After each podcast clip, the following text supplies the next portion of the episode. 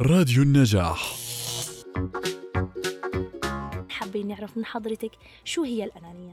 إيه، الأنانية عند الأطفال هي التمركز حول الذات والحب المفرط لها والاستيلاء على الأشياء دون إشراك أي شخص آخر. جميل.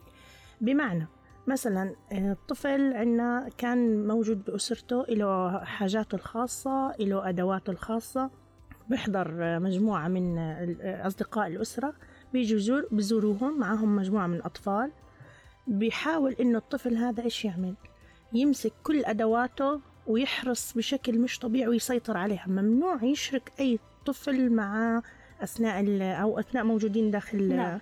آه، الزيارة. فبيسيطر عليهم. ممنوع يشاركهم وممنوع حتى هو إذا معهم ألعاب باخذ ألعابهم وبيسيطر عليها أيضا.